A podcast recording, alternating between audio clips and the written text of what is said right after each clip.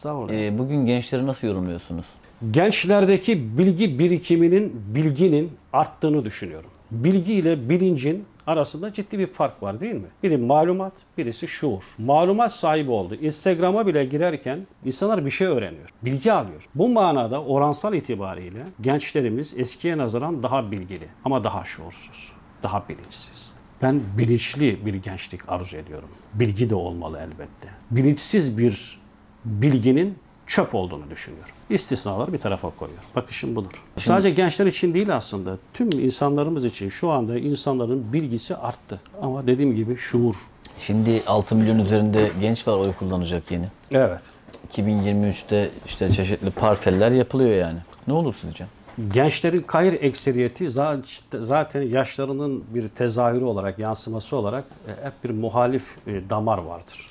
İktidarda kim olursa olsun muhalefet cephesine oy verir. Dolayısıyla şu anda o Z kuşağı dediğimiz kesimin kahir ekseriyeti, bu arada Z kuşağı kahir ekseriyeti bilir mi? Bilemeyebilir. Büyük çoğunluğu diyeyim. Dolayısıyla büyük çoğunluğu muhalefete oy verecektir. Bu siyasetin e, doğası gereğidir. Türkiye'de hele hele. Peki ne dinlersin abi son olarak? Bir Türk sanat müziği şeyi alıyorum senden yani. Türk sanat müziğini severim ama öyle ağır böyle akan müziklerden değil. Şey vardı Yıldırım Gürses'in hatta ne diye nitelendirmişti? Çok sesli Türk müziği. Enstrümanların çok oldu. Böyle müzikleri seviyorum Türk sanat müziği anlamında. Ama türküleri özellikle seviyorum. YouTube'un YouTube'u kim yapmışsa adını unuttum şu anda. Allah razı olsun. Yani büyük iş yapıyor. Neden? 1960 yılına ait işte Tenekeci Mahmud'un türküsü. Nereden bulacaktık? Dinliyorsun. yani 1964 yılına ait işte Gurbet e, neydi? Cüneyt Arkın'la Tanju Gürsün oynadığı Gurbet Kuşları. 1964 Re, Halit Refik'in filmi. Nerede bulacaksın onu? Hemen açıyorsun, dinliyorsun.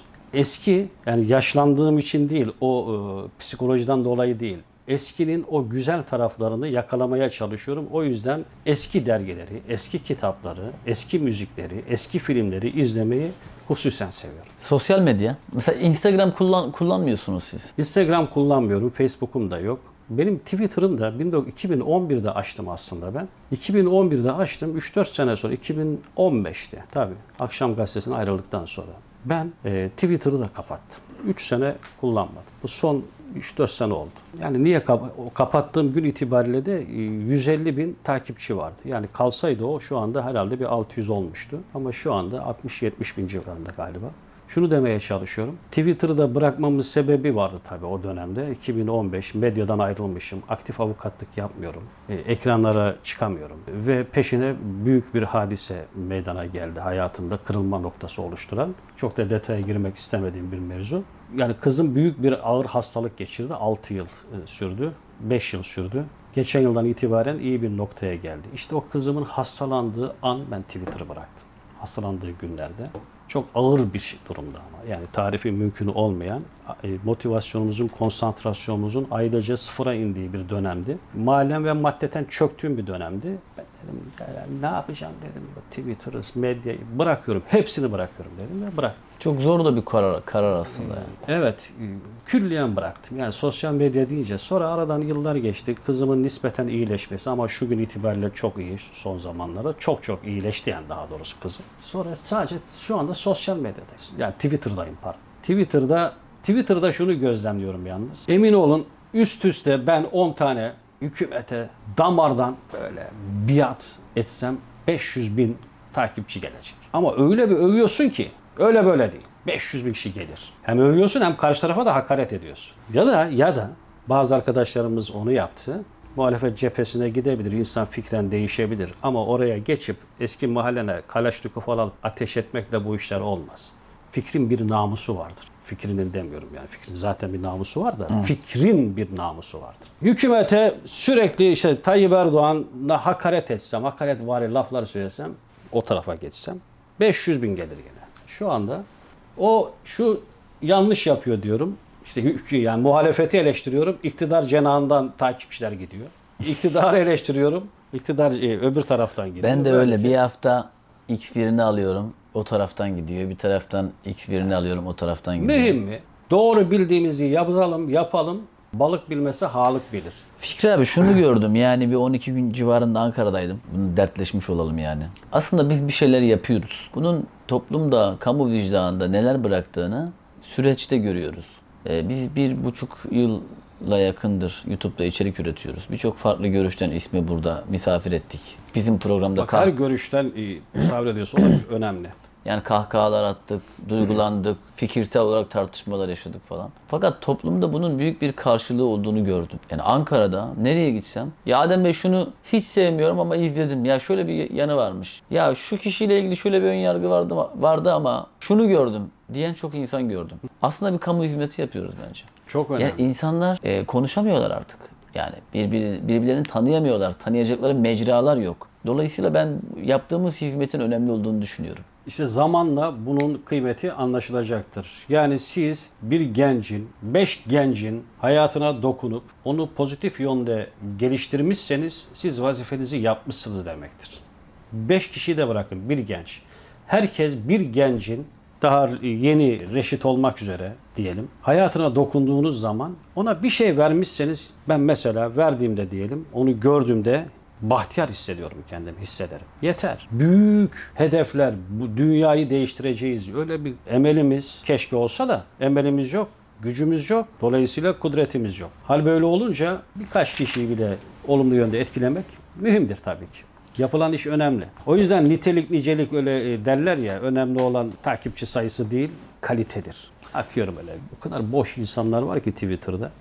3 milyon. Yani ben bize bir de 2-3 milyon eğer sanat camiasındaysa, siyasi değilse şayet, 2 milyonun üzerindeyse şöyle bir tereddüt ediyorum. Bir soru işareti Bir geliyor. soru işareti geliyor yani. Az sayıda olup takipçisi çok kıymetli, kaliteli cümleler sarf eden, bilgiler veren pek çok kişiye de tanık oluyorum. Fikri abi çok teşekkür ederim. Çok keyifliydi seninle sohbet etmek. E, Ben senin Twitter'da da attığın tweetleri çok beğeniyorum zaman zaman. E, Çünkü çok ince bir zekayla, kıvrak bir zekayla çok mizaha da yönelik tweetler atıyorsun. Bence bu önemli. Diyelim Twitter'daki cümleleri beğendiğinizi beyan ettiniz. Tabii yanlış da bazen güzel olduğunu bazı cümlelere bakıyorum. Ya güzel bir cümle diyorum. Bazen diyorum bu, ben bunu nasıl yazmışım diyor. Saçma sapan bir cümle diyorum kendi kendime.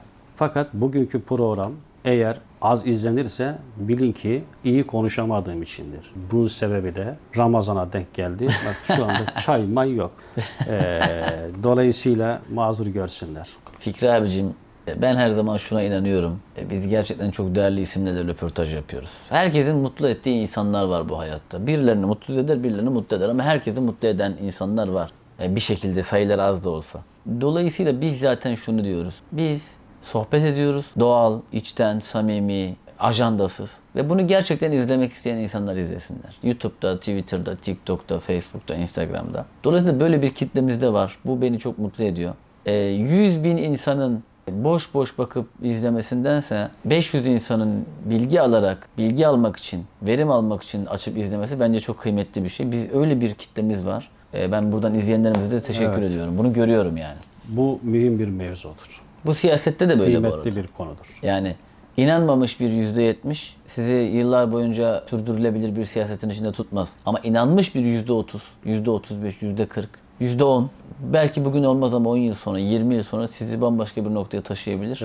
Bazı kişiler de siyasette de öyle değil midir? Yüzde bir oy almıştır. Muhsin Yazıcıoğlu rahmet. Yüzde bir alırdı hep. Vefat etti. Allah rahmet eylesin. Katledildi daha doğrusu. Ama bugün toplumun önemli bir çoğunluğu tarafından sevilir. Elbette karşıtları da var ama toplumun büyük çoğunluğu tarafından sevilir. Ama aynı dönemde siyaset yapan bazı başbakanlık konumunda olan kişiler yok ortada. İsmi bile alınmıyor. Yüzde otuz almıştır. Anılsa da itibarı çok fazla Evet, olmuyor. Bugün yani. gençler Cevdet Sunay'ı bilir mi? O seçilerek gelmedi gerçi de.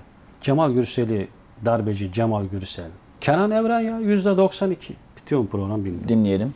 Kenan Evren'in bana şöyle bir faydası oldu. Tabii parantez içinde ünlemi koyarak devam ediyorum.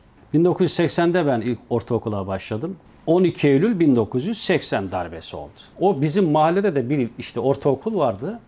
Orada anarşik o zaman tabir o zaman çok sık kullanıldı. Anarşik olaylar çok olurdu okulda. Jandarma kapıda falan kimse çocukların doğru dürüst gösteremezdi. Babam da göndermek istemedi. Abim o yüzden mesela ortaokulu okuyamadı. Eğer 12 Eylül olmasaydı ben ortaokula yazdırılmayacaktım. 13 Eylül'de Bir gün sonra ortaokula kayıt yaptırmış oldum ve başlamış oldum.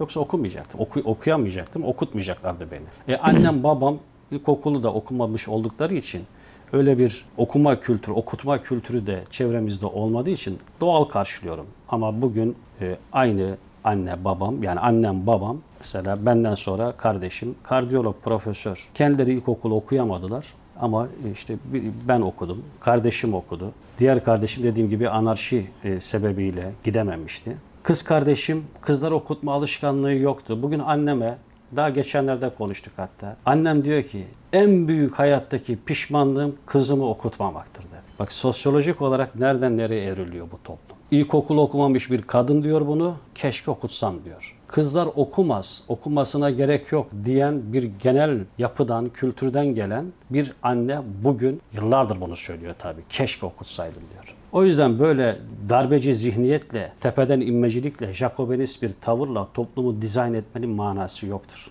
Toplum zaten belli bir noktada evriliyor. Bugün zengini de çocuğunu okutuyor doğal olarak, fakiri de okutuyor. Okumuşu da okutuyor, okumamışı da okutuyor.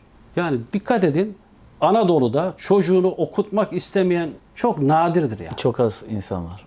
Böylesine bir Ya sosyolojik bir dönem bu ülkede kız çocuklar okula gitsin diye kampanyalar yapıldı ya. Evet, yani bu noktadaydı değil mi? Gerçekten önemli yani. Mesela ben Ben- şeyi çok takdir ediyorum. Ebru Özdemir mesela şu anda. Şey değil mi bu e, Limak'ın Evet. e, Nihat Özdemir'in Nihat Bey'in kızı. kızı. Ee, yani tabii büyük şirketleri var vesaire. Onlar tabii tartışılır. Onlar bizim çok dışımızda konular ama mesela bu mühendis kızlar diye bir projeleri var.